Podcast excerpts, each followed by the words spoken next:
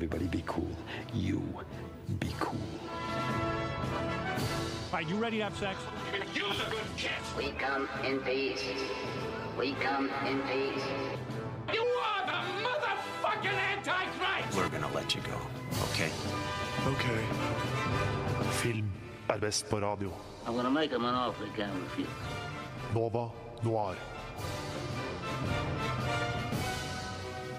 Hei, kjære lytter. Du hører på Radio Nova, og dette er Nova Noir. Mitt navn er Fan Bekkingen, og med meg i studio så har jeg Embla Aasheim. Hei, hei. Og Lars Skram. Hei, hei.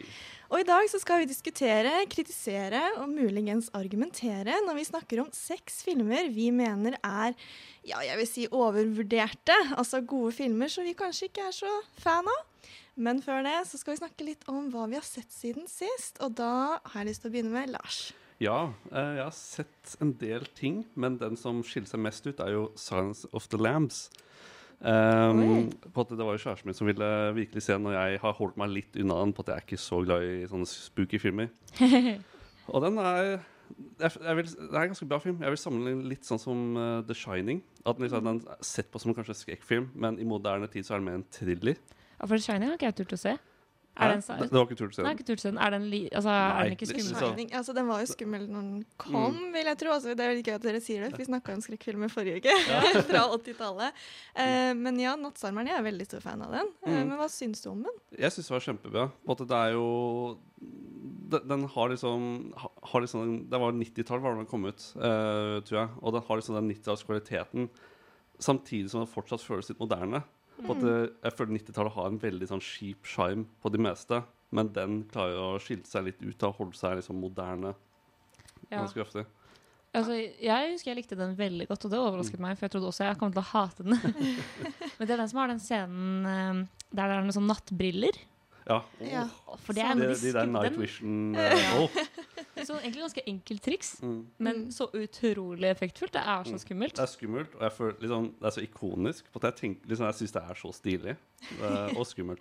Ja. Helt klart. Eh, hva har du sett siden sist, Embla? Oi. For en gangs skyld så har jeg faktisk sett en del ting, så jeg var litt ute på hva jeg skulle dra frem. Eh, men jeg velger å dra frem eh, filmen alle snakker om nå, nemlig Dune.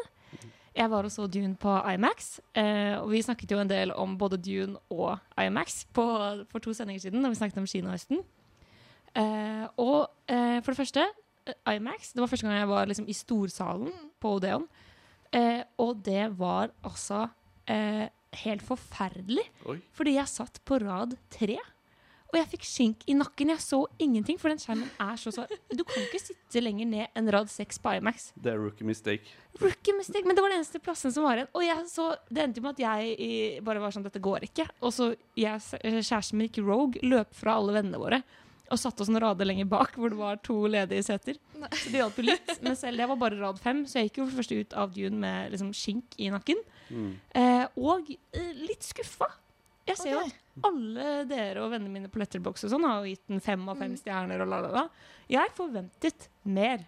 Shit, jeg, jeg så du ga den tre stjerner. Ja, Det er spicy. Men, men OK, kan, kan du si veldig kort hva du forventa, uten å spoile for mye? skal ikke spoile noen ting, men jeg forventet kanskje at den skulle være mer revolusjonerende. Okay. Fordi det finnes jo tross, altså masse sci-fi-filmer, og Dune har vært så utrolig hypa opp i så mange år. Liksom, snart kommer denne liksom, nye versjonen av Dune som skal ta liksom, alle med storm. Så føltes den bare veldig som noe jeg hadde sett før. Det var ingenting nytt eller spennende. Veldig mye sånn derre musikk mens Zendaya går i slow motion. Zendaya er med i fem minutter i filmen. Eh, til at hun headliner den filmen, er jo helt sjukt. Det føles litt som sånn Loreal-reklame av og til. Ja, Det er, ja, det er akkurat det. Og så bare av og til så er det sånn deep voiceover. Bare sånn Paul. Og det er liksom bare sånn det- Jeg følte at den var litt pretensiøs. Den kom liksom Og i tillegg um, Og dette kranglet jeg litt med kjæresten min på vei hjem, men jeg syns at det var litt uh, dårlig kvinnesyn. Eller få kule kvinnelige karakterer. Det var, ba alle menn i, det var bare menn som var sjefer, bare menn som var herskere, bare menn i rådet. Eh, det var liksom én eh, sterk kvinnelig karakter som var ganske kul, men hun gråt jo hele filmen. Hun, er jo et nervevrak som gråter i hver eneste scene. Nå ble jeg litt usikker på om jeg har lyst til å se den. For jeg har ikke sett den ennå. Men noe jeg har sett, det er den nye Netflix-serien Post Mortem. 'Ingen dør på Skarnes'. Har dere, vet ikke om dere har sett det? Men uh, det handler om da Hallingen-familien, da. Og Live hun ble funnet død. Uh, og så våkner hun mystisk, på mystisk vis opp igjen på obduksjonsbordet. Og, ja, og den familien her driver da begravelsesbyrå, og så er det da et stort problem for dem, fordi ingen dør jo på Skarnes. Så familien sliter veldig økonomisk, da. Men det som er veldig gøy da for egen del med den serien her, er jo mest det at jeg er jo fra området i nærheten av Skarnes. så når jeg ser på den serien her, så er jeg sånn Ja, men det er jo ikke Skarnes. det er filma et annet sted. Det er juks. Ja, det er juks. Em, men for all del, det er jo da en norsk vampyrdrama. Så det kan jo Ja, man, man kan jo si hva man vil om å lage en norsk vampyrserie. Men uh, var det sånn at du hadde sett den? Nei, men jeg har hørt masse om den. Ja. Og jeg har sett traileren og sånn. Men jeg var veldig us Jeg tenkte med en gang dette blir trash. Men hva syns du? Likte du det? Nei, altså Den var jo såpass bra at jeg har jo sett hele. Ja. Uh, så det var jo fengende i den forstand. Men det var kanskje ikke det beste jeg har sett uh, hittil. Eh, men over til noe annet som også kanskje er litt trash. vi skal bevege oss over til disse gode, men litt dårlige filmene. Hvor vi bl.a. skal snakke om Marvel, Seven og La La Land og mye mer. Men, og så følg gjerne med. Eh, men før det så skal du få høre 'Being With You' av On Slow. Can't see a goddamn thing. Quit griping. I like griping. Come on, knock it off. Nova Noir elsker å klage over dårlig film. Og her i studio sitter jeg, Fam, sammen med Lars og Embla, og vi er veldig klare for å diskutere disse gode filmene som vi ikke er så stor fan av, eller som kanskje er litt overvurderte. Og da er det også viktig å presisere at disse filmene er jo ikke nødvendigvis dårlige i den forstand. Eh, det kan, for det kan godt være en god film eller en klassiker, men det, jeg, jeg føler det er mer at den filmen da kanskje ikke lever opp til den hypen rundt det. Eh, så nå vet jeg ikke hva du Embla, har tenkt på når du har valgt ut din, din film. Åh, nei, jeg har brukt eh, Jeg må si lang tid da jeg ikke Det er liksom en gang hvilke filmer jeg har tenkt på. Det er liksom som jeg snakket om Dune eh, i første introen her òg.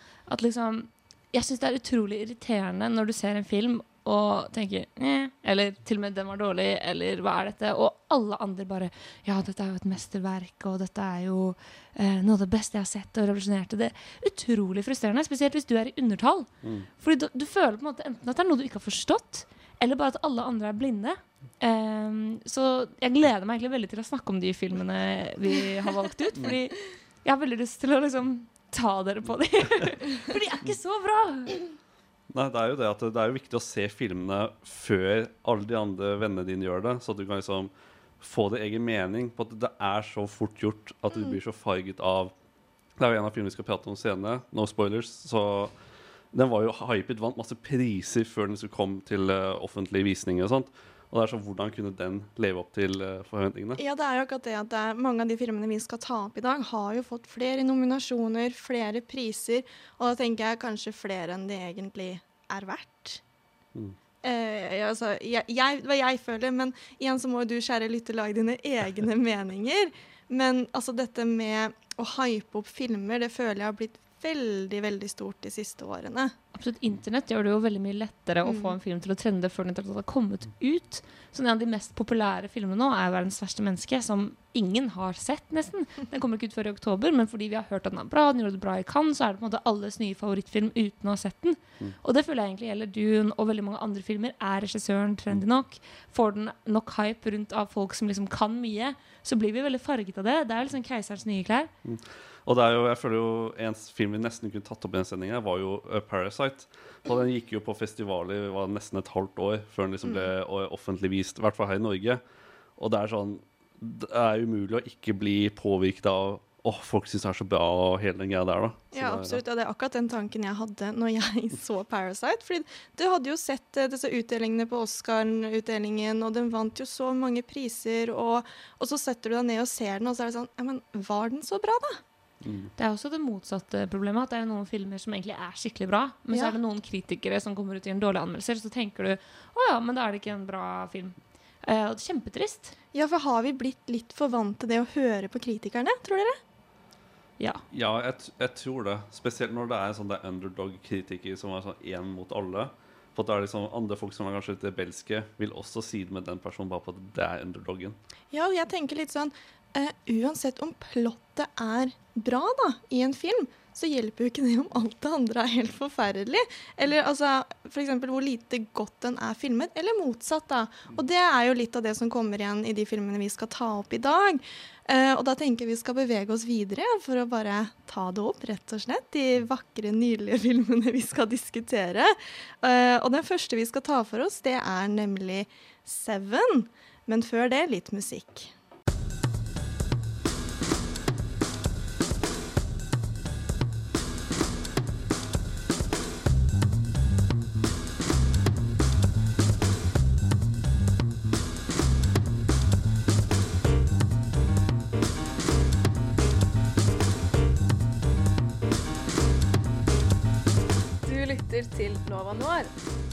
Torsdag 10-12 eller på podkast når du vil. Vi skal nå ta for oss den første filmen som har fått en plass på vår liste over gode, men litt dårlige filmer. Eller undervurderte film overvurderte filmer.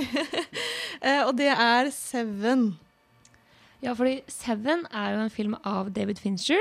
Eh, den kom ut i 1995. Før dette hadde han bare laget Alien 3, eh, så dette er kanskje det store gjennombruddet hans. Eh, og i denne filmen så følger vi betjentene William og David. Eh, de etterforsker eh, noen mord som man etter hvert skjønner er inspirert av de syv dødssyndene. Og vi kan høre en liten trailer for å sette stemningen. About the only thing we know about that guy right now is he's totally insane. where the price of sin is death. There are seven deadly sins. Gluttony, You're going to come take a look at this. greed, No one touches anything. sloth, wrath, pride, lust, and envy. Seven. You can expect five more of these. Body was found on Tuesday morning. I hate this city. We're gonna get who did this. This will be the very definition of swift justice. There are two more bodies, two more victims. This guy's methodical, exacting, and worst of all, patient. Oh yeah. eh, så Seven er det altså jeg som har valgt ut. Um, jeg vet jo at du faen meg veldig fan av Seven og var veldig Ja. sjokkert. Ja, så jeg personlig kan ikke stille meg kritisk til den filmen her, fordi det er jo en av mine mange favoritter. Men du Emla, du hadde jo en formening om at denne filmen hørte til på denne lista over overvurderte filmer. Det er rett og slett, og her må jeg presisere, så jeg ikke får eh, drapstrusler. Eh, men eh, det er ikke en dårlig film. Det er, det er en bra film. Men den er overvurdert. Det er på ingen måte en av David Fincher sine beste. Det er Zodiac, hvis noen lurer. Eh, jeg syns bare at denne filmen er altfor middelmådig til at det er så mange som syns den er så revolusjonerende. Den er ikke spesielt eh, Altså, Jeg, jeg syns ikke den er så spennende laget. Den er veldig straight forward. Hvis noen hadde fortalt meg at dette var sesongfinalen i Criminal Minds eller liksom LA-politiserie, så hadde jeg trodd på den. på en måte. Det var faktisk noe av det første jeg tenkte når jeg så intro med intro credits. da Det føltes virkelig ut som en sånn TV-serie med alle disse navnene. Bare viben på hele scenen, virket, eller filmen. Eh, Det føltes veldig ut som en TV-serie. Eh, Men det har et veldig sånn det har en sånn stil også som jeg føler vi kanskje mangler litt i de nye filmene.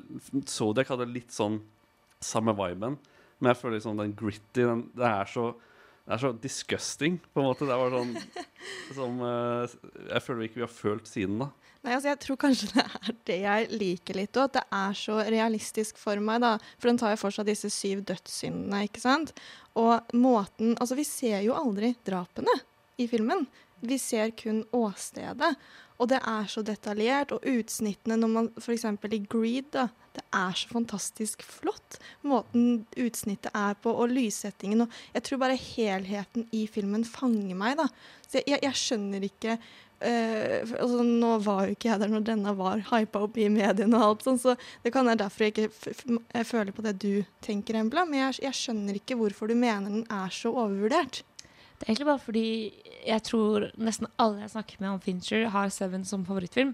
Og jeg, jeg er helt enig med deg at drapene er utrolig spennende gjort.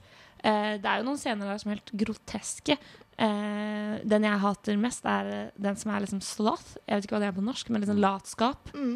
Eh, hvor de kommer og finner liksom en fyr som har ligget i senga i et år og fått liksom næring, så han har blitt livnært litt og litt og så vidt overlevd. Det er jo helt groteske, forferdelige detaljer. Det digger jeg. Eller det høres feil ut, men sånn, det syns jeg er utrolig bra laget.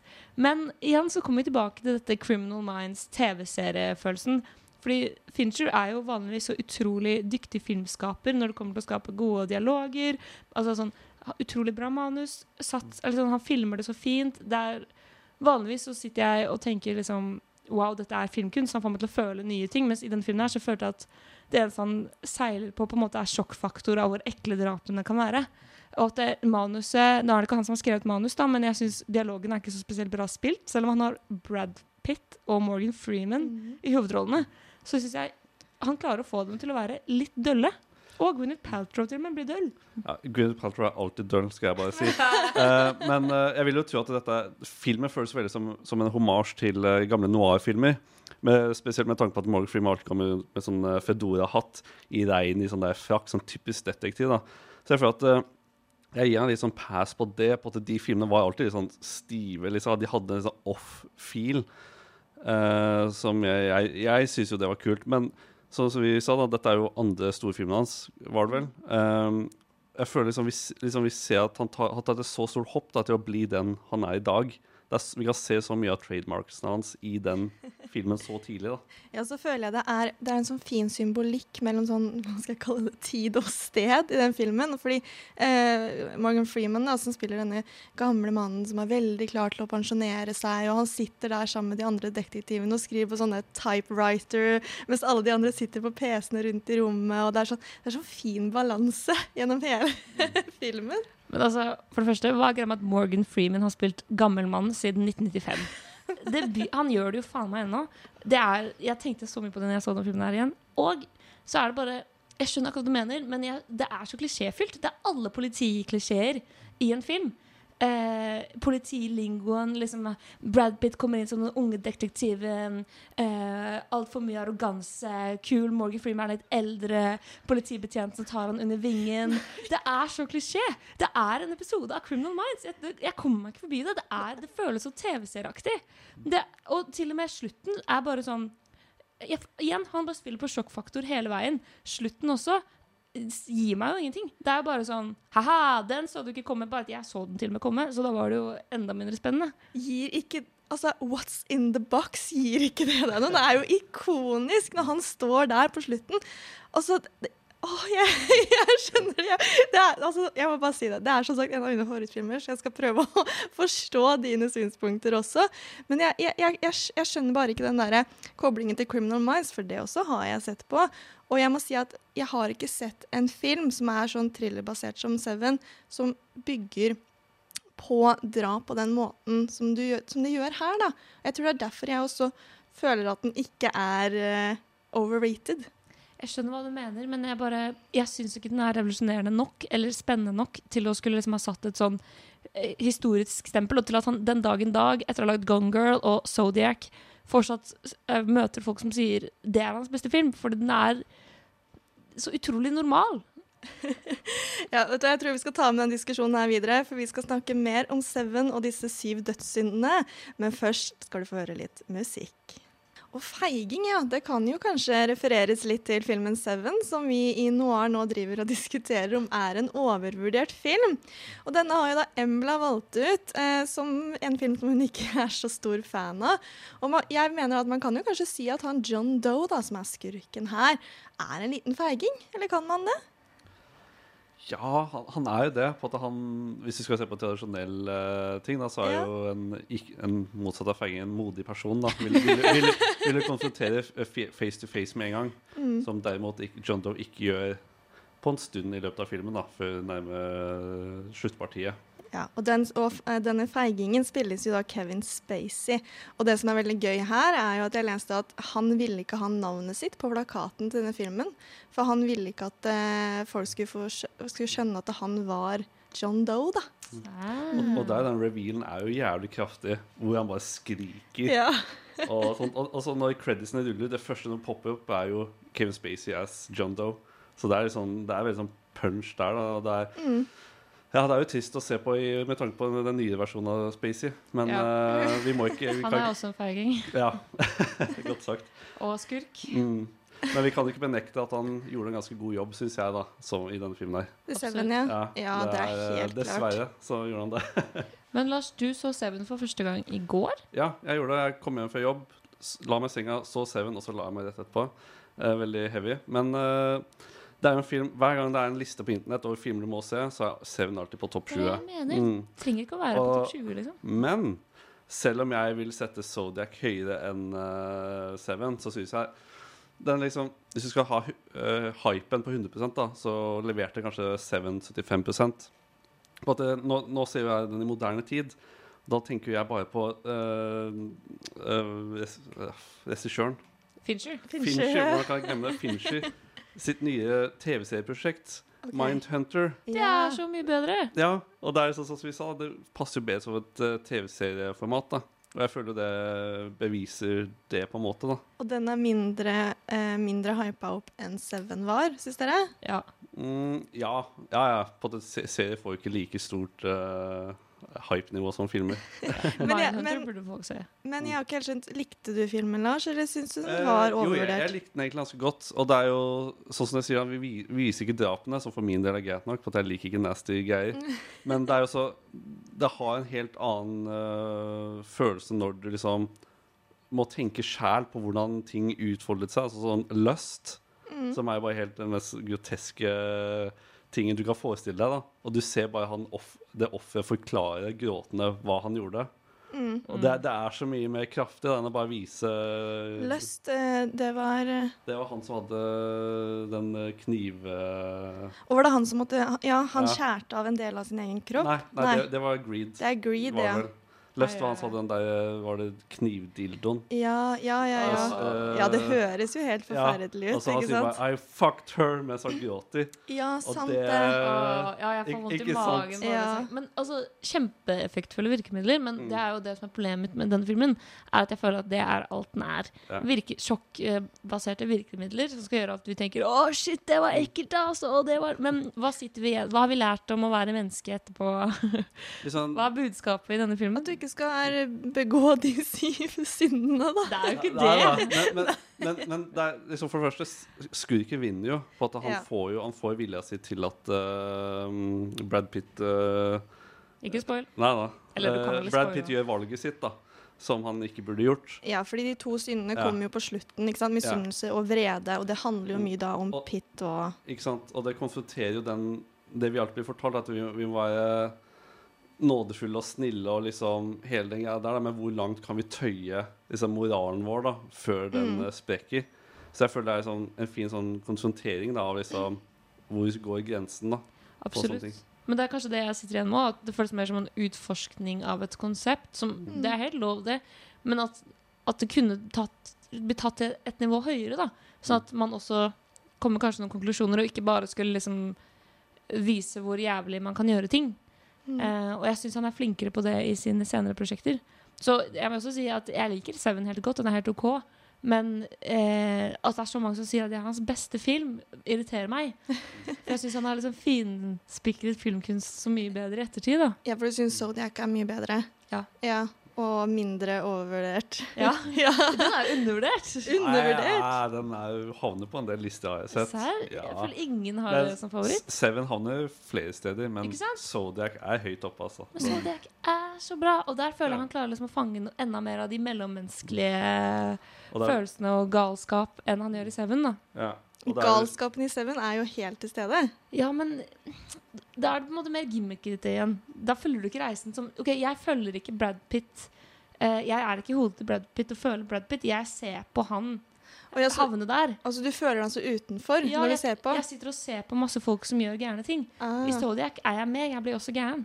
Fordi du blir like obsessiv som Jake Gyllenhaal for å finne morderen. Mm. Det gjør jeg ikke i 77. Så sitter jeg sånn ah, Spennende. Ah, gøy. Men det er jo Brad Pitt havner jo akkurat samme fellen som uh, Gyllenhaal i Zodiac. At han blir helt obsessed til å finne ut, uh, finne ut av saken, da. Absolutt. Men der viser jo også hvordan han har blitt bedre filmskaper. Ja. Fordi i Zodiac føler jeg det, og i Seven Ja. gjør jeg det ikke. Det er sant. Jeg følte jo liksom hele, hele den greia med uh, Gwyneth Paltrow. Uh, jeg, jeg følte jo ikke noe for liksom, Føler ikke noe for det. Nei, for på en måte den ble ikke balansert nok i forhold til resten av plottet. Og det at filmen også tar plass over syv dager, Mm. eh, gjør det så du, Når du får en dato, så tenker du så mye mer på logikken i hvor mye tid de bruker på ting. da Så, så jeg og Morgan Freeman så der på biblioteket. Og var sånn, Hvordan har du tid til dette her? Du må jo komme til neste, litt sånn, sånne ting. da Ja, det kan jeg være litt enig i. Det er Mm. sant, der har du et godt poeng. Eh, men jeg tror bare vi skal konkludere med at vi er eh, nokså uenige om det her. Og så får du, kjære lytter, lage din egen mening. For vi skal fortsette på denne vakre listen vår eh, med La La Land. Men før det så skal du få lov til å høre Good Together av Naida Essa. Dette er Alexander fra Nova Noir. Og i en tid når man ikke fritt kan gi klemmer, ønsker jeg på vegne av hele redaksjonen å gi deg, kjære lytter, denne soniske klemmen. Som en takk for at du lytter, og for å forhåpentligvis gi en liten positiv boost i en ellers kjedelig hverdag. I tillegg har jeg denne lydmessige godbiten til deg, nemlig min favorittlyd. Den av en kald ringnes som åpnes.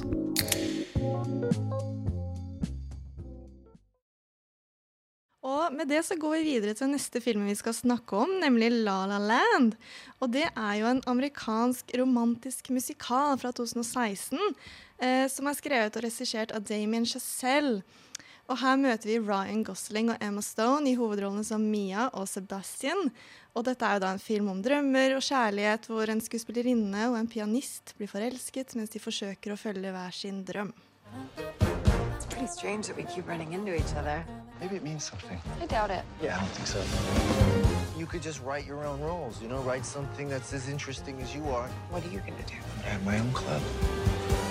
Is that gonna happen every time? I think so. How are you going to be a revolutionary if you're such a traditionalist? You're holding on to the past, but jazz is about the future. Maybe I'm not good enough. Yes, you are. Maybe I'm not. It's like a pipe dream. This is the dream. It's conflict and it's compromise. It's very, very exciting.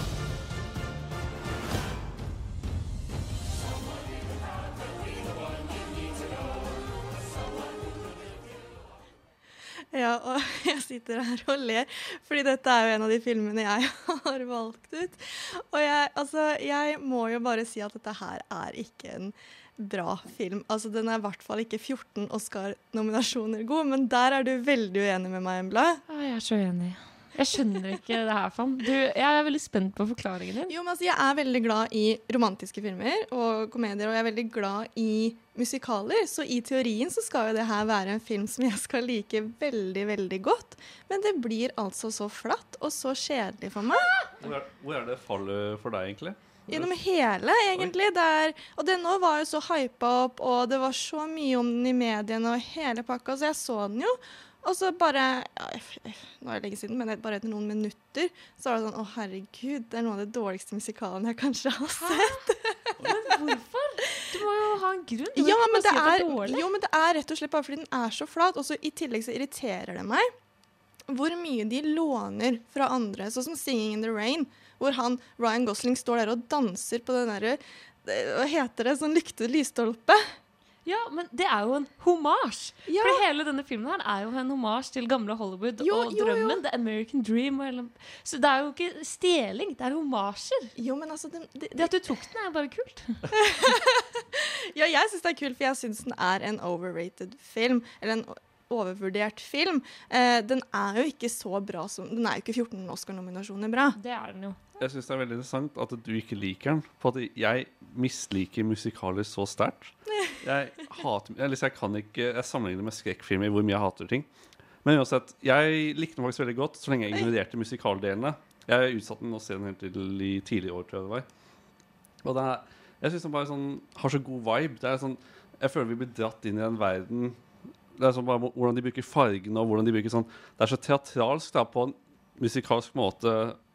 Liksom som fungerer for meg, da, også. Ja, for jeg synes det er veldig magisk hvordan de klarer å ta opp dette med liksom, søken etter denne drømmen i Hollywood, samtidig som de gjør på en måte Hollywood nesten til en teaterscene. Og de gjør så mange lekne stilgrep, og både i farger, musikk, hvordan de klipper mellom de forskjellige scenene. Du er både på en måte i en filmproduksjon eh, hvor alt er liksom lekent og fargerikt og spennende, men så er det det veldig vonde underliggende av bare at ingenting går rundt. Og De får det ikke til å gå opp. Eh, men de sier jo at eh, La La Land er filmen for, eh, eh, for eh, drømmere og folk i Hollywood, og ingen andre liker den.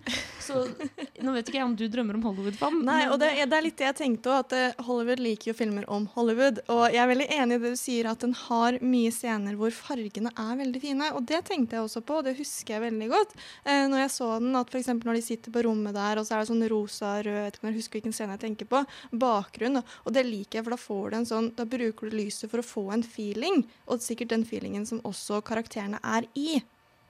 Ja, fordi, og absolutt, de gjør alle, masse kule stilgrep, men jeg føler at det vakreste i denne filmen er den helt helt enkle scenen hvor Emma Stone står foran huset sitt, flyttet hjem til foreldrene sine, gitt opp drømmen, og Ryan Gosling bare sånn Ja, men du er jo flink nok. Du til, nå må vi dra på ny audition. Og hun har bare gitt opp, og hun bare But what if I'm not? What if I'm not? Jeg gråter hver gang. Og som en person som har lyst til å bli, jobbe i filmbransjen selv, jeg har stått og grått og sagt What if I'm not? hundre ganger selv. Det er så relaterbart.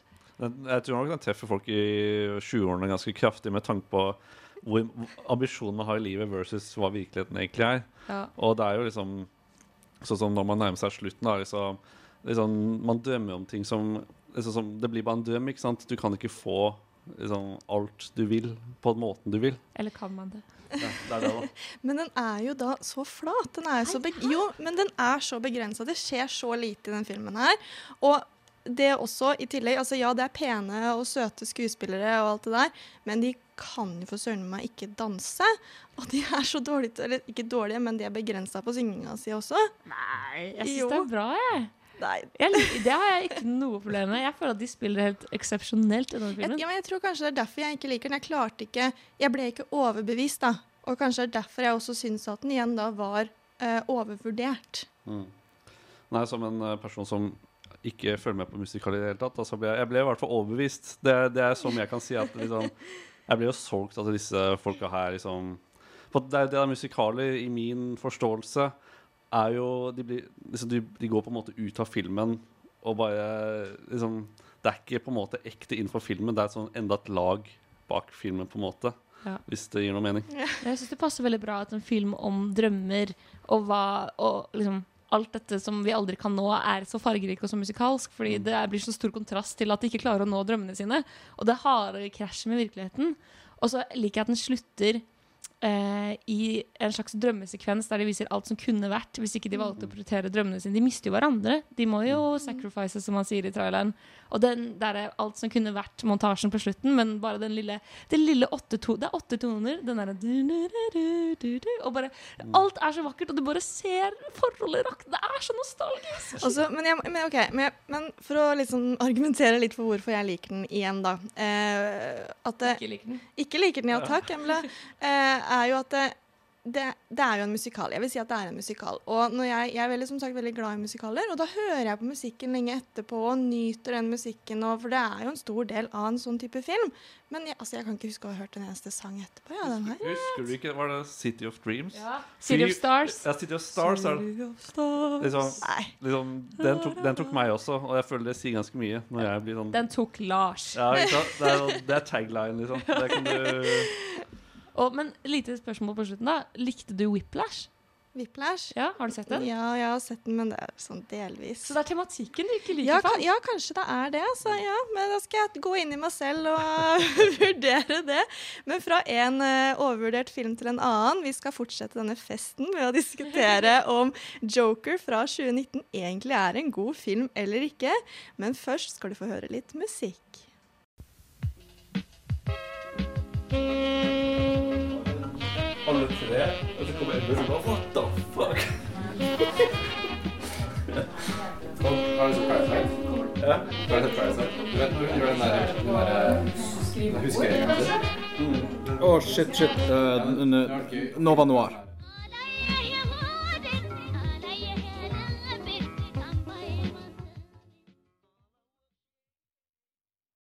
Da har vi beveget oss bort fra romantisk musikal og over til dystert drama, for nå skal vi nemlig snakke om Joker, eller Joker. Oh yeah. Uh, I Joker, som er uh, Ja, du har sikkert hørt om han før. Superskurken i Batman-universet. Uh, så møter vi da oh, Joker, eller Arthur Fleck, som han egentlig heter. Dette er hans origin story, regissert av Todd Phillips. Og her møter vi han, for å følge han i hans hverdag og se hvordan han sakte, men sikkert blir radikalisert. This is the last time we'll be meeting. You don't listen, do you? You just ask the same questions every week. How's your job? Are you having any negative thoughts? All I have are negative thoughts.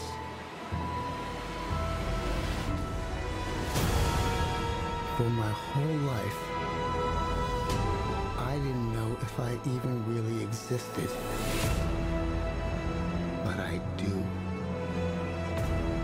And people are starting to notice. You think this is funny?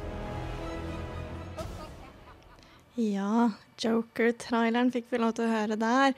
Og dette er jo en film som er, har fått veldig mange blanda meninger ute hos publikum der. Og det sitter eh, noen her også som har eh, veldig blanda meninger om denne filmen. Men jeg vil gjerne begynne med Embla, og du har jo valgt ut denne fordi du syns den er veldig overvurdert. Yes. Uh, når vi snakket om Seven i stad, sa jeg at det er ikke en dårlig film. Det er bare den er overvurdert. Joker er en dårlig film.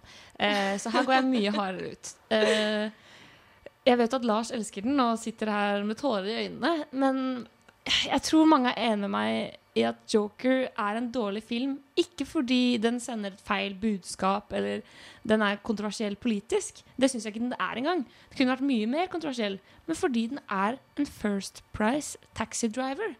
Den er en så platt, døll og jålete film som snakker så stort og så vakkert og så nøye om et så viktig tema, bare at den ikke gjør det i det hele tatt. Den, det er en super overfladisk film om et dypt tema. Den later som den er dyp. Men selvfølgelig, et basseng virker dypt hvis du aldri har svømt i havet. Eller hva, Lars? Nei, det er, my det er mye å ta i her. Men det du skal ha med er at jeg er enig at du, vi legger den på listen over overhypa filmer. Men ikke av den grunnen til det, tror.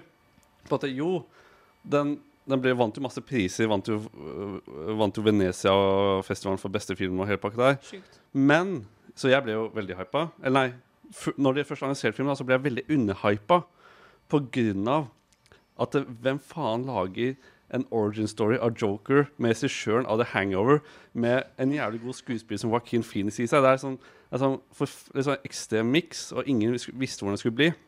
Så er sånn, jeg ble, var veldig sånn jeg var veldig hypa, men samtidig ikke hypa på filmen. Så jeg syns det er et veldig sånn interessant eksemplar da, i denne sendingen her liksom på hvordan uh, hypa filmer blir. da. Ja, altså jeg, jeg, er, jeg er enig med Lars. Jeg var også en fan av den filmen her. Sorry, Embla. Uh, men jeg, jeg syns at uh, Jeg er veldig enig i mye av det du sier eh, rundt det med klisjé, og at den kanskje til og med blir en parodi på seg selv, til og med. Men sånn helt ærlig, da jeg så den, så ble jeg bare oppslukt i filmen. Jeg syns det var Det rørte meg så sykt. Og jeg, jeg, fikk, jeg så den Jeg tror jeg så den på kino først, og så så jeg to ganger nesten samme uka. Herregud. For det skjønner ikke jeg noe av. Fordi jeg klarte ikke å føle noen ting av denne filmen her. Jeg følte at den ville jeg skulle føle, er det jeg føler når jeg sier Taxi Driver. Eh, og han har jo selv sagt at dette er en uh, Martin Scorsese-homasj. Og Scorsese liker den jo ikke, som jeg syns er veldig gøy. Todd Phillips er jo super Scorsese- Scorsese-fan og har bare prøvd å lage en slags kopi av det. Robert De Niro er til og med med. Eh, men så liksom får han ikke til, fordi der han skal gå dypt og røre og sånn, så er det bare jålete bilder i vakre lys. Eh, Fine bilder tar altfor mye fokus. Han bare står i baris og er veldig tynn og liksom flotter seg med en pistol og går kult nedover en trapp med en sigg. Det er ikke mental helse. Det er ikke det indre. Det er ikke modernisme som Todd Philip sa han ville ta opp. Det er jo bare pene bilder. Jeg synes det er veldig gøy at du sier det at De Niro er med, og at eh, hele det der at ses ikke liker filmen og alt det. Fordi eh, De Niro er med, og han og uh, Joaquin Phoenix hadde en De var ikke venner på sett, de prata ikke sammen på sett, men Joaquin Phoenix er kjempefan av De Niro. Men de kom ikke overens i det hele tatt på sett, så jeg syns bare det er kjempegøy. Men uh, det er jo også litt sånn uh, Nå har ikke jeg sett filmen, men jeg, jeg har jo sett at liksom, det er mye sånn King of Comedy-vibes fra filmen også, som også er Det var Scorsese, Ja. var det vel, og De Niro. Super Men, Scorsese. men det jeg syns var interessant, var liksom det, det indre. Både jeg føler jeg, Kanskje ikke Jeg skjønner at du ikke liker filmen, men jeg føler liksom Den har en del å si også, føler jeg, da. Liksom Jo, liksom Du skal ikke liksom, Det er ikke så incel uh, Hva skal jeg si Justification. Men det er jo en kommentar på hvordan man kanskje behandler eh, folk i samfunnet. Da, at mm. kanskje man burde få hjelp og den slags, da. Og det er jeg helt enig i, og det er det jeg håpet det skulle være mer av. Men jeg syns den gjorde akkurat det så dårlig. Og der hvor, igjen, ta opp Taxi Driver igjen, gjør det mye bedre. Andre filmer der du faktisk føler den kampen i kroppen. Når jeg sa Joker, så følte jeg sånn Nå snakker vi om at det er et problem at han ikke får hjelp, men eh, vi viser dem at han er kul og nydelige bilder og vakre fargepaletter. Og jeg føler man aldri får komme inn ordentlig i hodet hans. Nei, liksom det jeg tenker Jeg, føler, jeg føler egentlig at vi får det. På at det, liksom en ting, Et eksempel jeg kom på, er jo at han har den uh, le-utfordringen sin. At han ler uten at han egentlig mener det. Men det som er interessant, er du, når han blir joker, når han er sånn dressed up og hele greia, så har han ikke den. Han er superconfident, og han er liksom på en måte en bedre versjon av seg selv, da, som er jo en uh, Jeg syns det er en ganske morsom, eller ikke morsom, men kreativ måte å komme inn i uh, hodet på folk, da. Absolutt. Det er veldig gøy at vi sitter her i dag med så blanda meninger om Joker. Og vi skal fortsette å snakke om eh, denne filmen, men først så skal vi høre litt musikk. Du Du Du hø hører på. på Radio Nova. Og vi er um, midt i å snakke om Joker, vi, fra 2019. Og det, før musikken her så var det ganske heftig debatt mellom Lars og Embla, hvorav Embla mente at dette var en overvurdert film, og Lars var ganske uenig. Ja, jeg syns det er helt uh, uforsvarlige påstander det kommer med, Embla. Um, Det er jo liksom, jeg jeg syns det er vanskelig å forstå hvordan en person kan hate så mye. Det er uh, en katastrofe. Men jeg tror en, at det er én ting vi kan bonde over, og det er musikken i filmen. Absolutt. Musikken er veldig bra.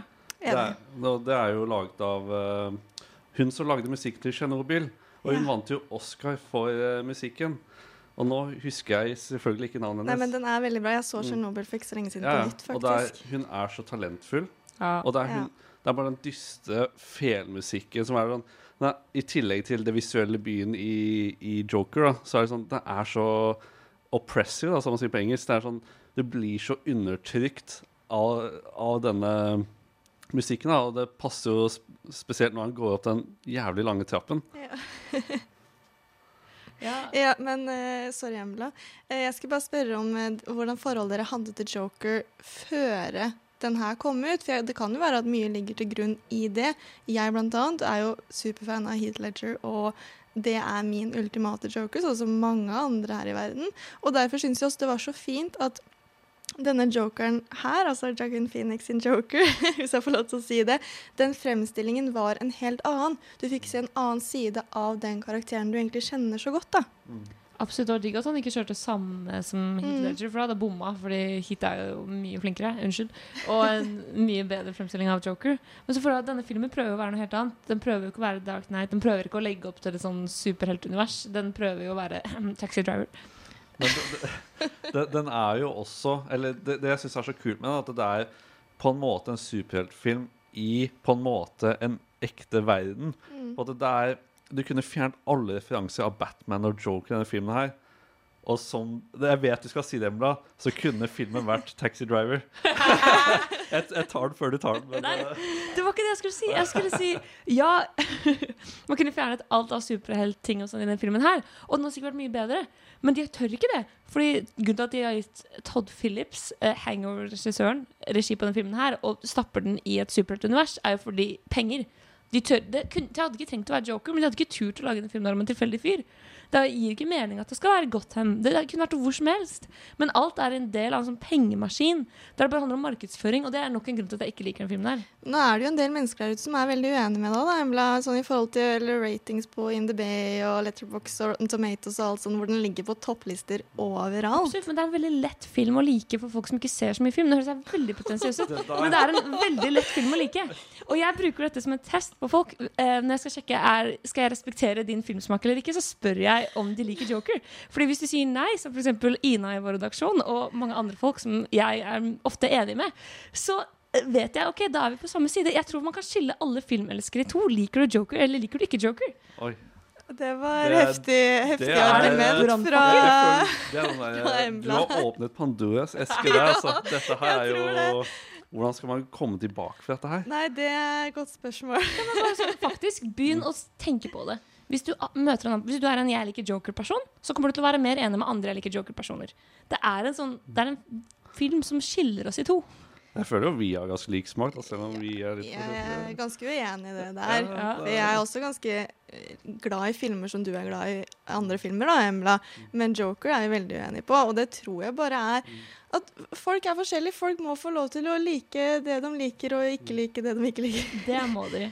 Men uh, vi har jo vært uenige på hele sendingen her, da. for Ja, det har vi faktisk. teorien jeg tenkte på det i sted, at vi har vært uenige på alt hittil. Så kanskje min Joker-teori eh, er sann?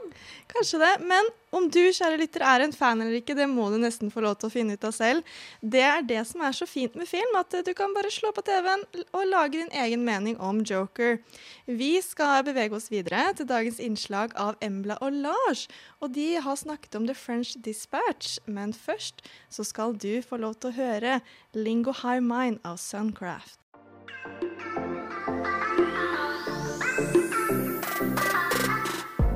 lytter til Nova Noir her på Radio Nova.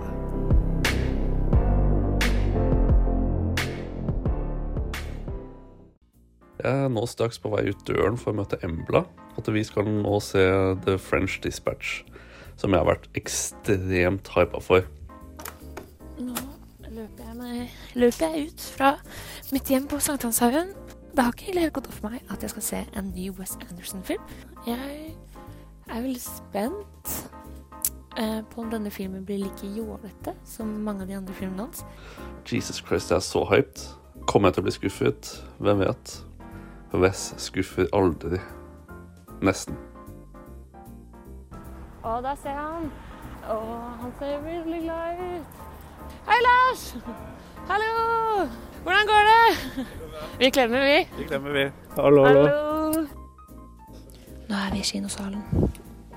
Eh, Hæ, hva sa du? Jeg bare tar opp til innslaget. Å ja, sånn. Dette er en stor dag for Nova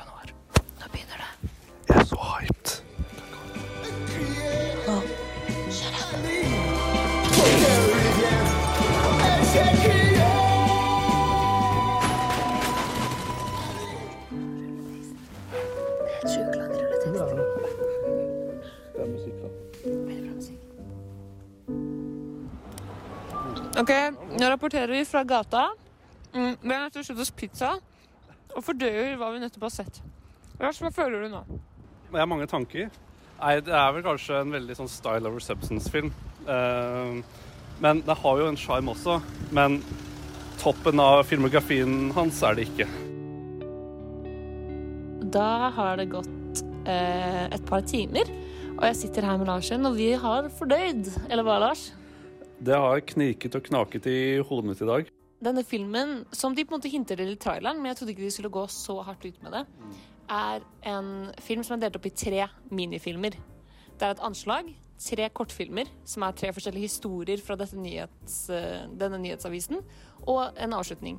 Men du blir liksom ikke, du blir ikke kjent med én hovedkarakter. Det er nye karakterer i hver kortfilm. Og det er et veldig uvant format for ham, da. Ja, det er jo det. Er jo det. Den er nesten like oppi deg som eh, Grand Budapest med tanke på hvor quirky den er. Ja, jeg følte også det, eh, det korte formatet var selvfølgelig noe nytt. når vi skulle snakke om, For det var et av de temaene vi ville snakke om i dag. Hva er det han har gjort nytt i denne filmen, og hva er bare mer av det samme? Og det nye føler jeg jo er eh, denne tredelingen. At det er mange kortfilmer og veldig mange karakterer. Han pleier å gå tettere på én person så, og følge én persons historie, mens her er det nesten overload av historier. Ja, det er jo den, de første ti minuttene. Da var jeg veldig, veldig bekymret for denne filmen her. Historien følger liksom Selv om du ser han veldig lite i filmen, så følger han jo Bill Murray sin figur, da, som på en måte eier denne avisen, hvor han velger ut disse tre historiene til uh, den siste utgaven av uh, avisen hans. da. Er, alt er veldig tablå, alt er en scene. Og når du sitter og ser på dette teatret hans, så for å bli rørt, så må du jo få en connection med karakterene. Og det har han klart i veldig mange filmene sine, selv om alt er så over the top. Men i akkurat denne filmen så er det ingen karakterer du får være med lenge nok til å bli ordentlig på ekte glad i dem. Du blir interessert, og du syns historien er gøy, men du får ikke hjerte med dem. Dette er den eneste Wes Anderson-filmen jeg ikke har grått. Ja, det er jo liksom Jeg føler at i hvert fall to av de tre historiene har veldig lite emosjonell value. Jeg syns jo den ene med skuespiller Jeffrey Wright var kanskje den mest em emosjonelle, den siste av de tre filmene. Den var liksom Den følte jeg vi fikk sitte med med også. Den plakaten er jo bare spekka med liksom alle skuespillerne som er kjente i verden, på en måte. Og det var også problemet jeg hadde med denne filmen, er at det føles som en sånn film stappfullt av kjendiser. Du ble nesten distrahert fra historien, fordi hver eneste scene var sånn Å, det er han! Selv om det var en karakter som bare kom inn for å si én replikk, liksom, så var det en kjendis. Han leker veldig mye stil, form. Veldig mye av filmen er sort-hvitt. Veldig mye av filmen er i firkantformat. Men til tider så bryter han det på en måte som på en måte ikke alltid gir helt mening. Liksom, det er noen scener, sånn som den kunstbiten, da, hvor det gir mening at det bildet er i farger. Men det er noen deler hvor du bare Oi, hva var hensikten til at han byttet til widescreen eller farger eller noe sånt? da? Det henger ikke helt på grep. Jeg er enig, Noen ganger så var det veldig sånn åpenbart hvorfor han plutselig bytta til farger. eller plutselig bytta. Men det var veldig mange ganger jeg bare ble sånn sliten i hodet av at han bytta mange ganger i én scene uten at det egentlig ga så mye til storyen. Det er kanskje det generelle hovedkritikk til hele denne filmen, er at den er tidvis vanskelig å følge. Det går veldig fort, det er veldig mange karakterer, og det bytter tema fort. Hver gang du holder på å bli ordentlig investert i noe, så er historien ferdig, og de bytter. Og den er jo peak west. Det er mye fancy som skjer, mye kreative grep og mye sånt, men du, jeg, føler jeg sitter ikke med så mye jeg har ikke sånn wow-moment, da. Hva føler du at den handler om? Hva, det, det er det, da. Du, hva handler den om? Liksom, hvis du skal gå i det dype, så, vet jeg ikke. Min teori er jo at det er en hyllest til historiefortelling. Uh, og innad i de tre forskjellige historiene så har det vært sitt lille budskap. Men overall så er The French Dispatch en hyllest til å ville fortelle og videreformidle historier. Har vi blitt litt bortskjemte når det gjelder Wes Anderson? Vi tar han litt for gitt, for det er jo filmkunst på sitt ytterste. Han er så teknisk begavet. Ja, det er jo det at eh, forventninger har jo alt å si med denne filmen her. Jeg, hadde, jeg var veldig hypa, hadde mange forventninger. Jeg ble skuffet, og så ble jeg veldig positivt overrasket. Og det sånn Det var mye følelse involvert, da. Dra på kino og tenk nå skal jeg se tre knallgode små historier, og jeg skal la de ta meg av gårde og se ordentlig bra filmkunst, og så kan du heller gråte til andre filmer. Men det var Lars Embla sitt kinoeventyr. Eh, vi ønsker dere alle en nydelig torsdag, og så håper vi at alle drar og ser The French Dispatch. Men hvis dere skal se den, så skal dere faen meg se den på kino. Helt enig. Boja! Der hørte du Hanna Venia med 'Perle'. Og før det hørte du et stilig innslag om The French Dispatch av Embla og Lars. Og de sitter jo faktisk her i studio med meg i dag, og jeg er Fam. Og nå er vi klare for å ta for oss neste filmen på lista over gode, men litt dårlige filmer som vi syntes er overvurderte. Og nå har vi da kommet til Marvel. Og det som er interessant med Marvel, er at vi skal jo prate om Marvel, hele Marvel-universet. Som er jo nå oppe i, Vi er oppe i 20 pluss filmer. Så det hele startet med i 2008 med Iron Man-filmen. Med, med Robert Downey jr. som uh, selveste Iron Man. Og så har det bare ballet på seg der. Vi har fått Captain America, vi har fått Thor. Vi har fått uh, Guardians of the Galaxy, og nå har jo Black Widow fått en spin-off-film. Og så har det kulminert, da. Disse har jo hatt sånn crossovers og uh, post-credit scenes som har kulminert av disse Avengers-filmene. Som sluttet uh, sannsynligvis, kanskje, i Endgame. Som har vart i tre faser, da. Men nå, i årene fremover, så går vi inn i phase four, som det heter. The world has changed. None of us can go back.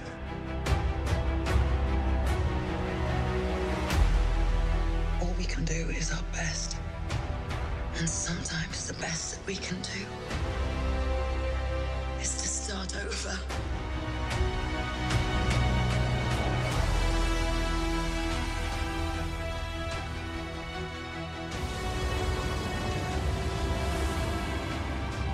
I saw all these people die.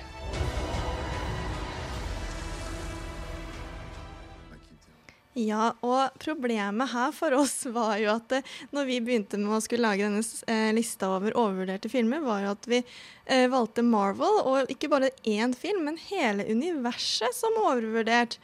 Eh, og nå er det nok mange superfans der ute som er veldig uenige med oss, og det skal de få lov til å være.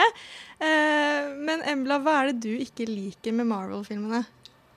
Åh, ja, si det. Alt. Nå, det er jo kanskje hovedproblemet mitt er at de alle er helt like. Eh, Jeg skal prøve å være litt mindre streng nå enn jeg var med Joker, siden Joker er min brannfakkel.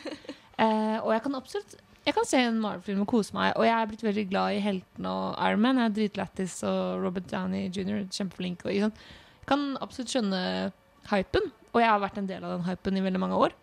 Men eh, jeg gjorde feilen i korona at jeg og noen venner hadde Marvel-maraton. Vi skulle prøve å se absolutt alle filmene før Endgame. Og når du ser alle filmene sånn to-tre i uka, så ser du jo at hver eneste film er lik. Og det bare ødela alt for meg. Og etter at jeg hatet det så aktivt. Jeg gjorde nesten det samme, bare at jeg fant en sånn liste som er den riktige måten å se filmene på. Ja, det er det vi også gjorde. Den kronologiske ja, rekkefølgen. Ja, ja. Ikke, ikke etter når de er utgitt, men etter når de i teorien skal være. Det er det.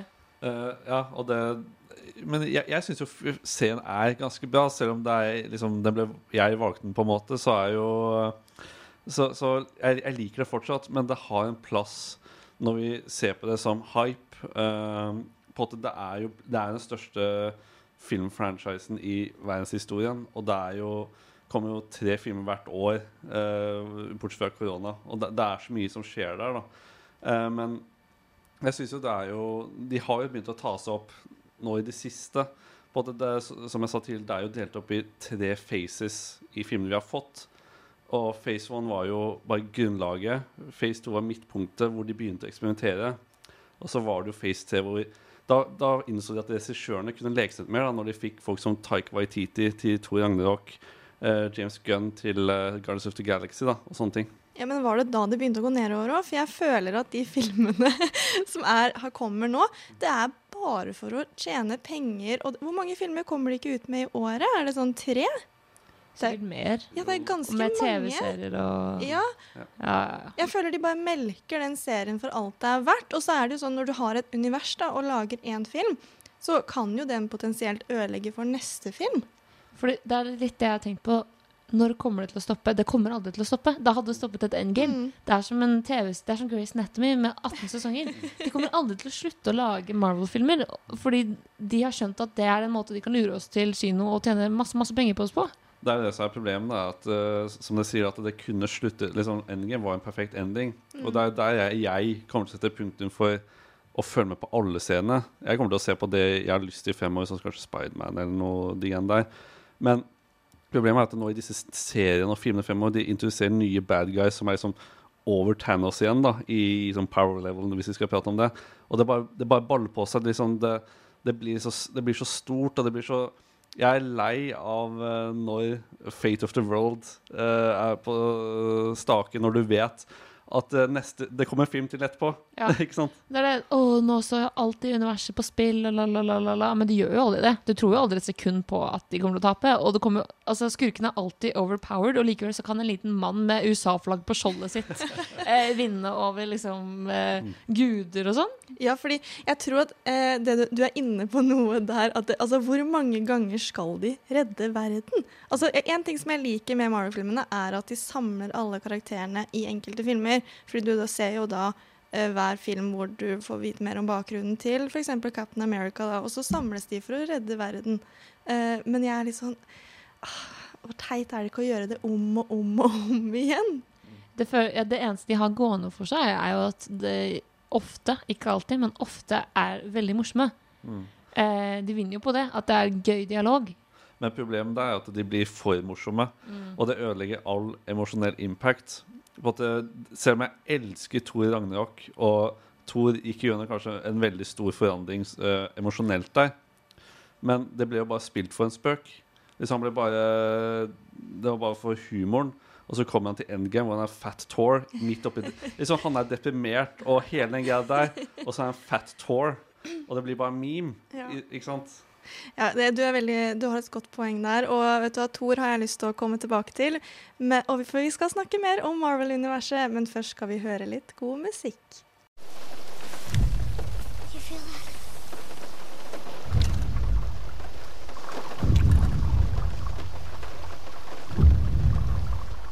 Nova Noir. Det merkes på tyngden.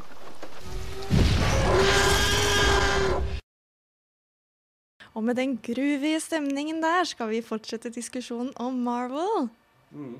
Og det, som jeg nevnte tidligere, så er det jo oppdelt i faser, eller phases som de kaller det. Og vi er jo nå i phase 4-timeline, som vi er jo litt enige om at det blir kanskje litt mye. At liksom er, de kunne stoppe på til phases, men sånn er det nok, da. Og at vi har jo disse Vi har ikke bare filmene nå. Vi har jo TV-scenen også, sånn som Loki, Captain America liksom, Ja, og de greiene der, da. Og de tier jo nå inn til filmuniverset, så nå har du liksom to plattformer å følge med på.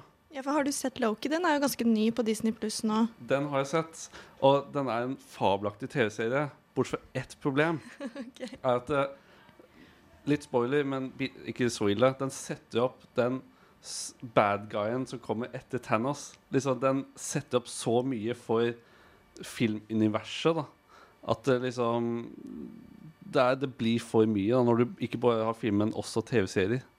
Så det, det, det senker veldig kvaliteten. At de kan ikke være enkeltstående lenger. Nei. De må alltid lene seg på hverandre som krykker, som er et lite problem. Ja, ikke sant? Ja, absolutt. Eh, Embla, har du sett alle filmene? Er det lov å spørre om det? Du, det vet jeg ikke engang lenger. Det er jo så mange av de. Eh, Jeg har sett en veldig stor andel, i hvert fall frem til kanskje sånn 2017. Hvor jeg begynte å gi litt opp. Har du en favoritt og en du liker minst? Å, jeg har tenkt mye på det. Jeg tror ikke jeg har én film jeg liker best. Men eh, jeg har absolutt en helt jeg liker best, og det er jo selvfølgelig førsteplass delt mellom Iron Man og Spiderman. Eh, de to er kanskje det beste med universet, hvor gode karakterer de er. Og minst eh, favoritt er selvfølgelig Antman. Fins ikke en teitere helt. Han er ikke noe morsom. Jeg hater han. Skal jeg komme med noe litt, uh, litt så, som støtter det at vi er veldig uenige nå, da, gjennom hele sendingen. Hvis du liker Antman best nå Nei, nei, nei, det gjør jeg ikke. det gjør jeg er ikke. altså. Men den jeg liker minst, det er Iron Man. ja, ja, altså, Han ah, bærer showet. Ja, men altså, de, de tre filmene jeg så de, det var så Nei, altså, jeg, jeg koste meg ikke gjennom de. Men min favoritt, det er Thor. Nå skal det sies at det er jo bare den første Iron Man-filmen som er bra. De to andre er litt dårlige kvaliteter. Helt enig. Eh, men uh, jeg, jeg sier meg enig i at det er Thor Eller Thor 2 er kanskje den verste av alle Marvel-filmene. Den er så trash er så at jeg husker ikke noe fra den, bortsett fra Tortur. Uh, Natalie Portman, et eller annet. Men, uansett, men det interessante er at favoritten min er jo Thor 3. Ja. Eh, så Ragnarok, som er regissert av Taika Waititi, som er en fabelaktig eh, regissør. Men det er bare pga. Taika at den filmen er bra. Ja. Det er jo ikke Thor før det var en veldig kjedelig helt. De endret jo hele personligheten til Thor for at han skulle passe inn i denne filmen. men, men det er det som er så bra, og det er, det er det de innså i kanskje slutten av phase 2, men i hvert fall phase 3, at eh, de må, de må bli mer unike, og de lar regissørene ta mer valg som passer dems stil. På at det, tenk det første Thor-filmen, regissert av Kenneth Branagh, som er jo en legendarisk person innenfor, innenfor filmbusinessen. da. Men Thor 1 er jo veldig forgettable. Ja, og jeg er helt enig i at regissørene burde få ta mer plass, men jeg føler faktisk ikke det har skjedd en eneste gang bortsett fra Taika sin versjon. Du syns ikke at uh, Guardians of the Galaxy? Nei? Nei, den følger fortsatt veldig samme Marvel-mal. Det var det som var så gøy å se i Endgame, så når alle skal møtes, at det er altfor mange roller som har fått samme rolle. Mm. Som at, eh, Nå husker jeg ikke hva han hovedpersonen i Guardians heter, men han har, spiller jo Iron Man sin rolle. Så når begge de skal være the funny guy, så er det bare sånn OK, hvem prioriterer vi skal være funny? Jo, det blir selvfølgelig Tony Stark. Kanskje jeg er litt amatør nå, da, men uh, The Guardians of the Galaxy er jo de filmene som jeg kanskje syns i sin helhet er det beste i Marvel. Eh, men det er kanskje litt sånn Ja, det sier alle som ikke er fan. jeg vet Men ikke. det, det som er interessant, er at uh, når jeg først så de, så var jeg fortsatt ikke så investert i hele Marvel-universet. Og det som var gøy, var at de, de er, jo de er bare relativt gode sci-fi-filmer. Liksom, jeg, jeg føler ikke at de er I hvert fall den første er en superheltfilm. Det er en sci-fi-film som gjør det litt uh, friskere. da Jeg er helt enig. Og generelt, liksom De klarer seg bedre fordi de kan stå litt unna alt det andre. Men Tony Stark slash Iron Man har jo, som du nevnte, toeren og treeren kjempedårlig. Men han, bare, han bærer så mange av de andre filmene. Ja, det, det er jo det. Og det er jo Han tar jo for seg den mentorrollen til Spiderman og liksom blir så close og bare det, det er det som er så jævlig utrolig interessant. Det er liksom Iron Man har binder det hele sammen, selv om han kanskje ikke er, har de beste filmene.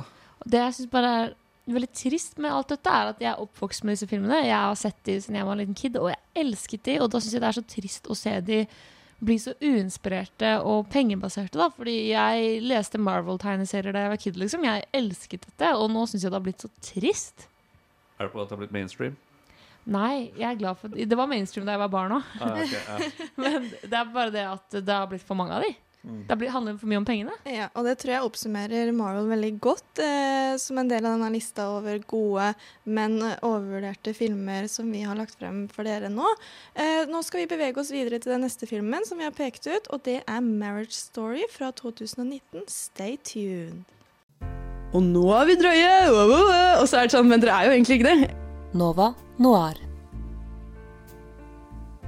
Eh, og nå skal vi ta for oss enda en film fra 2019, nemlig 'Marriage Story'. Og denne var det jeg som valgte, rett og slett fordi jeg syns den passer perfekt for dagens tema.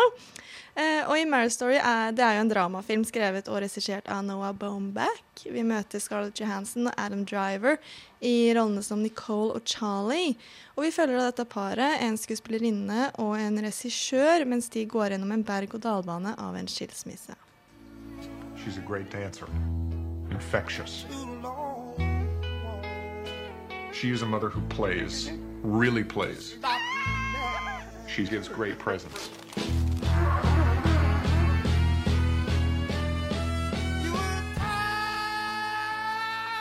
She's competitive. What? Are you kidding me? She knows when to push me oh,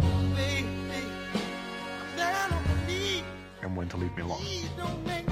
I thought we should talk. Okay. I don't know how to start. Ja, Det som er med denne filmen for min del, er at jeg kan veldig godt skjønne hvorfor folk liker den. Men det er også en film som fikk veldig mye oppmerksomhet, som også var grunnen til at jeg så den til å begynne med. Men det holdt da med den ene gangen. Og jeg, jeg syns den var Altså, den, den traff ikke meg, men som, som sagt, jeg kan skjønne hvorfor mange klarer å sette seg inn i det der med å gå gjennom en skilsmisse, da. Og at det kan være veldig sterkt og veldig følelsesladd. Og at folk syns det var veldig fint at det endelig kommer det en film som, eh, som viser det, da. Men eh, jeg syns jo eh, hovedpoenget med filmen Storyen kan bare liksom, pelle seg vekk på at det, jeg føler det er så åpenbart for mye da, at dette er en film som bare er ment for å showcase eh, skuespillerprestasjoner. da. Og det, det er jo så mange scener som er de, de to skuespillerne som bare spiller mot hverandre og gråter og hoier og heier. Ehm, og jeg, jeg likte filmen veldig godt når jeg først så den, men når jeg så den nå andre gang eh, for den sendingen her, så føler jeg at den, den falt litt flatt for meg. da. Mm. Eh, jeg er litt uenig med deg der, Lars. Ikke det at den falt eh, flatt, for det gjorde den for meg òg, men det at det bare var fra showcase skuespillerprestasjonene. For jeg savnet mer av det. Jeg skulle ønske vi kunne være mer hos de to. Det er jo veldig få scener vi egentlig får være hos hovedkarakterene. Eh, fordi denne filmen for meg er kanskje en av de største tragediene som har skjedd eh, på mange år. Fordi For det første, Noah Baumbach, en av mine favorittregissører. Eh, han har lagd min favorittfilm, 'Frances Ha'. Eh, elsker Scarlett Johansson. Hun er med i min andre favorittfilm. Lost in Translation. Elsker Adam Driver, med i min favorittserie Girls. Eh, de, det er alle mine favoritter. Og min favorittematikk eh, brudd. Mm. Så her var alt lagt opp for at jeg skulle elske denne filmen. Og så føler jeg at den roter seg så bort i skilsmissekødding og Laura Dern som skal være sassy. Ja, for den er jo ikke underholdende. Nei, og det, men den er, ikke engang, den er ikke engang varm. Den er ikke engang dyp. Nei. Den er ikke engang sånn at du kommer ordentlig inn i den skilsmissen. For de viser egentlig veldig lite av de ekte følelsene i skilsmissen. For det meste så er de one on one og bare er sånn derre 'Jeg skal ta hevn på henne. Jeg skal ta hevn på han.' Sure følelser. Men det er jo det filmen handler om. da Det er liksom hvordan eh, folk som egentlig har hatt godt for å bli sånn korrumpert når de kan av å bli påvirket av andre som har lyst til å bare tjene på det. Men jeg synes det hadde vært mye mer spennende hvis Scarlett og Adam sine karakterer hadde begynt å hate hverandre av seg selv. Mm. Og ikke fordi Laura Dern kommer inn og bare I hate men. Uh, fordi jeg savnet liksom bare at de skulle at, eh, Fordi denne filmen er veldig inspirert av scener fra et ekteskap av Ingmar Bergman, som jeg også elsker. Ja, det har jeg også hørt, ja. Og det er jo masse tegn til det. Jeg har plakater av den i filmen, og de snakker om den i filmen, og sånn, så den, det er en veldig tydelig homasj. Og i den filmen er det bare de to skuespillerne i eh, et rom. Det er jo egentlig en TV-serie i seks timer, de to karakterene i et rom som krangler. Og det er så bra. Og her skulle jeg ønske det var mer av det, fordi de er ikke nok sammen. Ja, fordi det kommer litt tilbake til det derre eh, Jeg er veldig enig i det du sier, Embla. Og eh, som jeg sa innledningsvis, at den fikk så mye hype da den var så bygd opp overalt. Og, og så skjønte jeg jo etter hvert at det her er jo ikke en film jeg hadde satt på og sett hvis ikke den hadde vært så stor. Jeg tror mye av grunnen til at hypen kom, var jo det at Scott Johansson og spesielt på den tiden Adam Driver var jo det hottest shit in Hollywood. Og det er jo, Noah Baumbach er jo en eh, talentfull uh, regissør og skribent, så det er jo Det var jo, som du sa, satt opp til å være en ekstremt bra film. Alt det- bra var med i den. Alt ja, bra. Ja, ikke sant. Det er jo Jeg elsker jo de to skuespillerne og sånt, så det er jo Det er jo åpenbart at den kommer til å skuffe mange folk som har andre forventninger enn det det er, da. Mm, absolutt. Men ville dere sett den på nytt igjen nå? Absolutt, for jeg elsker jo Baumbach. Jeg skulle ønske han hadde turt å gå nærere og gjøre ting litt annerledes, sånn som han har gjort i sine andre filmer. Mm. Jeg synes denne filmen her Jeg skal se den igjen, og jeg skal, for jeg så den bare én gang og ble ekstremt skuffa og har ikke turt å se den siden. Altså, som jeg sa i stad, altså, jeg så den jo en andre gang nå nylig. Og der den fall, Jeg digga den første gang og syntes det var kjempebra, men den bare var så flat nå. Mm. Og det er på grunn av at den Som du sier, den går kanskje ikke så dypt inn på de temaene som virkelig er interessant. Og at den Og som jeg sa, da, at det, det føles veldig ut som en bare sånn De har bare lyst til å vise disse skuespillerne hvordan, det, det er jo den one-takeren med Scarlett Johansson og Laura Dern at det, som var veldig lenge. Og disse og så var den veldig teatralsk, da. Ja, du er så bevisst på at dette er en one take. Nå skal hun, Og nå går hun inn på badet, og nå går hun og setter seg. Mm. Så uautentisk. Ja, det, det, er, det er veldig sjelden jeg ser en så åpenbart stage, liksom staged film. Jeg vet! Men jeg syns jo det er interessant på at han Charlie er jo teaterregissør. Så det er kanskje noe å ta fra deg. Jeg vet ikke. En stagea film der også. Altså, den lever kanskje ikke helt opp til forventningene våre. Men vi er nødt til å bevege oss eh, videre til den siste filmen på lista over gode, men eh, overvurderte filmer. Men før det så skal du få høre 'Salutt' av Yogisol og Avon.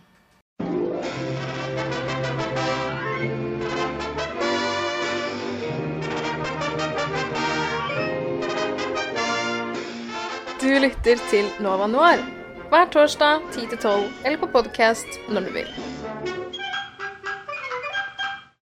Vi har nå kommet til den siste filmen vi ønsker å diskutere, og det er 'Avatar'.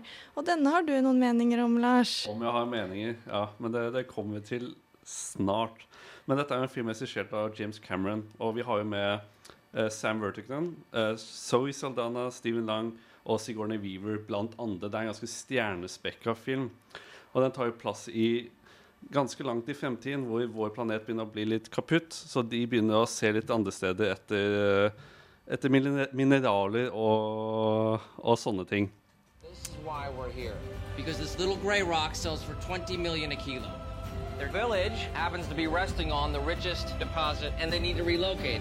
Those savages are threatening our whole operation. We're on the brink of war and you're supposed to be finding a diplomatic solution. The concept is to drive these remotely controlled bodies, called avatars. They're grown from human DNA, mixed with DNA of the natives. Marine in an avatar body. That's a potent mix. You get me what I need, I'll see to it you get your legs back. Your real legs. Ja, 'Avatar' der altså. Vi avslutter jo sterkt med en film som veldig mange har kjennskap til. Og jeg, Embla og Lars vi er veldig enige her, faktisk, om at dette er en overvurdert film. Den har jo blitt nominert til å vunnet en rekke priser. Og personlig så syns jeg jo at visuelt sett så er den bra. Det skal den ha. Men altså, den har jo ikke noe plott, egentlig, syns jeg. da. Jeg synes det er, Hvis den har det, så er det dårlig. Hvis du, hvis du skal se Avatar, så finnes det en bedre film, og den heter Pocahontas. det jeg skulle si! Jeg skulle si akkurat det! Jo, men det er- det Pocahontas er så mye bedre! Det er, ok, det er liksom studiet. Ok, Hva skal neste film være? Pocahontas in space. Det er liksom det de prøver seg på her. Og, kom, men hvis vi alle ser det, hvorfor later vi alle som om det ikke er en ting? Nei, men det er jo James Cameron. Han gjør hva James Cameron gjør.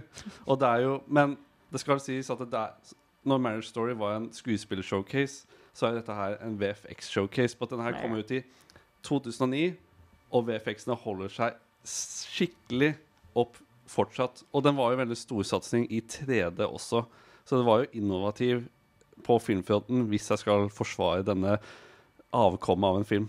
Det var jo tross alt 3D. Ja, det var tross alt det. Men altså, hallo, den er jo altfor lang Mhm. til å ha den historien og ja, hele, hele opplegget, egentlig. Jeg så den jo på nytt til den sendingen her, og jeg begynte veldig sånn Å, nå skal jeg følge med, og nå skal jeg få med meg, og skal jeg liksom nesten analysere litt. Og så ble det jo bare sånn bakgrunnsstøy til slutt. For du har jo sett den før, og du veit jo hva som skjer. Og det er jo ikke noe Altså, Det er jo sikkert sånn spenningstopper, men jeg føler ikke at de når meg, da. Nei, nei, det, er jo, det eneste jeg husker fra filmen, var jo det at jeg syntes den var lang, og den siste akten var helt forferdelig. Og jeg så jo en Jeg må jo dessverre innrømme at jeg så ikke filmen for denne sendingen. Jeg så en recap, og selve, til og med recapen var kjedelig, og den var på fem minutter. Det er jo Det er en kjedelig film. Beklager å si det. Men det jeg lurer litt på, er om den egentlig er overrated lenger. Fordi da den kom ut, husker jeg også at det var sånn Det her er filmen of the century, og la, la, la, la. Og ja, Det er veldig sant. klimatematikk og sånn. Men har du noen gang møtt en person som sier favorittfilmen er Avatar? Ikke favorittfilm, men det, når den IMAX-kinoen åpnet i Norge, så var jo det en, en, en veldig stor prat at uh, nå kunne vi jo endelig se Avatar i storformatet og i ekte sånn 3D, sånn som James Cameron ville at vi skulle se den. da. Eh, og jeg husker det var mye prat rundt den tiden. Og jeg har jo noen kollegaer eh, som eh, Å ja, Avatar, å, det var så kul i 3D og sånne ting. Men favorittfilmen? Nei, det har jeg ikke gjort. Nei, jeg føler kanskje ikke så mange ser på Avatar i dag. At eh, du har litt rett i det, Embla. Ja, det er derfor det er så rart at det kommer liksom en svær revival nå, hvor det ikke bare skal komme en toer. Frem, fra nå til 2028 skal det komme en toer, treer, firer og femmer. Hæ? Ja. Ja, ja. Det er så mange oppfølgere vi aldri har bedt om. Laget av hvem? James Cameron. Nei. Og, Han er pensjonert snart, vet du. Han må gi jernet nå. men jeg, skal, jeg kan forsvare den litt, da. Eller jeg kan forsvare dens eksistens. For at James Cameron har jo vært veldig innovativ som jeg sa, med effekter og den slags. Og jeg har jo sett behind the scenes fra den nye filmen også, liksom, teknologien de bruker. Og det, jeg tror det kommer til å Jeg har ikke lyst til å se filmen, men det kommer til å hjelpe de andre filmene som kommer etter den. Det er det jeg tror. Så okay. sånn sett så er jeg på en måte glad vi får det. Ja, ja, James Cameron gir gjerne han og kjører på med Avatar. Fire til, da, dere. Ja. Skal dere se dem? Eh, det, jeg, jeg vet ikke. Det kommer vel an på hvor, hvor, hvor mye de blir dekket og Og bløst hvor opp. da. lange de er. Ja, selvfølgelig. er- selvfølgelig. Hvor lange de Jeg er. håper han har lært leksa si der. Og hvilken Disney-film de kopierer. Ja. Ja, ikke sant? Og hvem som sku er skuespillere. Yes. Det er mye Timothy som spiller inn eh, Ja, men det, det er interessant på at uh, Hvis jeg husker riktig Sam Worthington Han var veldig up and coming når Avatar kom ut. Og han la liksom veldig mye annet på frys for at Avatar skulle bli laget. Eller de neste filmene Men de ble jo satt på frys frem til nå. Så han mistet jo mange muligheter for det. Så det, det blir jo interessant å se om han eh, klarer å gjøre et comeback da, nå som disse etterfølgerne kommer. Jeg vedder i hvert fall 200 kroner på at Timothy Chalmay kommer i hvert fall en av de. Men vil dere anbefale Ok, Hvis det er noen som ikke har sett Avatar i det hele tatt noen gang, vil dere anbefale at de skal se den? Hvis du er liker spektakkel spektakel og liksom actionsekvenser, så kan jeg kanskje anbefale den, men uh, ikke for noe dypere enn denne. Enda? Eh, nei. Se på Nei. Pocahontas i stedet. Ja, nei, Jeg vil heller ikke anbefale den, det høres jo fælt ut. Men jeg vil kanskje si at det, det er jo greit å ha sett den for å vite hva folk snakker om når de nevner Avatar. Eh, men det får du også igjen lage din egen mening om. Eh, vi skal bevege oss videre, men først skal du få høre litt musikk. Jeg har ikke sagt det, men jeg kan si det en gang til. Radio Nova. DAB og nettradio. På radionova.no. Jeg har ikke sagt det, men jeg kan si det en gang til. Radio Nova. Da, kjære lyttere, har vi vært gjennom seks filmer som jeg, Fan Bekkingen og Embla og Lars mener er gode, men også litt dårlige eller overvurderte. Vi har snakket om Seven, La La Land, Joker, Marvel-universet, Marriage Story og nå til slutt Avatar. Og så tenkte jeg vi skulle avrunde det hele med en liten quiz. Og denne quizen den er jo da selvfølgelig eh, i tråd med det temaet vi har i dag. Eh, hvor jeg da har gått inn på Rotten Tomatoes og funnet noe, noe filmer. Og jeg skal spørre dere hva dere tror eh, prosentscoren de har fått da. Og det er ikke audience score, det er den tomato meter som det heter. Eh, så da gir jeg dere et tall, og så skal dere si over eller under. Veldig enkelt. Og da begynner vi med The Notebook, som jeg også føler er en egentlig ganske bra film til den, det temaet her. Og da sier jeg 50 Under. Over. Under, Lars. Ja. Og du sier over. Ja. Over. Ah. Tror du den har fått under 50 Lars? Men- Notebook, så klart. Den er så kjent. Skal jeg si hvor mye? 53. Ok, det var Ah, ikke ja. så ja. Nei, det er det faktisk ikke. Men dette er kritikerne, liksom? Ja, ja, ja, Ja. det er det. Shit, Men de eh. Notebook er ikke en kritikerfilm. Nei. eh, og så går vi da videre på neste film. Er dere klare? Yes. A Star Is Born. Og da sier jeg eh, Hva skal jeg si 80% Under. Over. Da ble det ett poeng til Lars. Har du fått over 80% 90% har den fått. Ok, Vi trenger nye kritikere, folkens. Da er det 1-1. Så jeg tror kanskje vi tar et par til, eller får se hvordan det går nå. Dere har også lov til å svare det samme. Dere må stå for det dere mener. Altså. Absolutt. Eh, Det gjør jeg. da går vi videre på Frozen. Disney-filmen, animasjonsfilmen Frozen. Og da lurer jeg på, har den fått over eller under 80 Mm. Det er en barnefilm, da. Ja. Jeg tror over. Ja, jeg tror over, jeg òg. Ja, det er riktig. Hey! Begge to! Yay! eh, OK, da skal vi se da om det blir eh, avgjørende nå på neste. Har dere sett eh, den her? Det er jeg litt usikker på, men den skrekkfilmen Hereditary. Hereditary. Ja, jeg klarer ikke å si det engang. Uansett, uh, har den fått over eller under 90 Oi. Jeg tror over, ass. Den ble så Ja. populær da den kom. Mm. Men jeg føler det er sånn audience-film. Under! Under, over på Embla og under på Lars. Ja. Yes. Da har vi en vinner. Lars! Men det er 89 Å, fy faen. Oi, oi, oi. Gratulerer. Lars. Gratulerer, Ja. Lars. Jeg er stolt av deg. Og da skal vi runde av dagens sending, men før det så skal du få høre en sang som jeg snakka om tidligere i dag, som jeg fikk litt kritikk for for at jeg ikke hadde hørt. Og det er City of Stars-soundtracket fra La La Land. Er Inglourious Bastards den beste Tarantino-filmen? Nei, det er jo ikke det. Det er ikke det. det er, er det noen som mener noen av dere det? Nei. Sånn helt Ja. Du mener det? Ja. Film er best på radio. Nova Noir.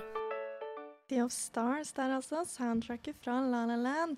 Og jeg må stå for det jeg sa tidligere i dag, at den sangen her, den har ikke jeg hørt på eh, utenom da jeg så den filmen eh, den tid. Men uansett, eh, da har vi vært gjennom disse seks filmene eh, som vi har valgt ut som gode, eh, men overvurderte filmer til denne sendingen.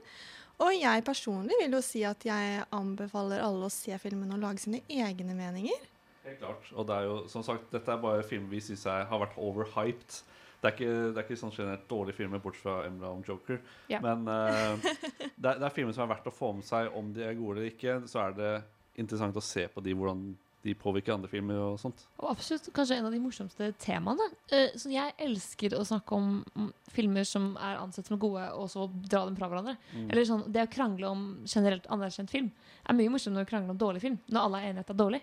Absolutt, jeg er helt enig. Eh, Jeg syns det oppsummerer sendingen veldig godt. Og da kan du der ute bestemme er de gode eller er de dårlige. Dagens sending er dessverre slutt.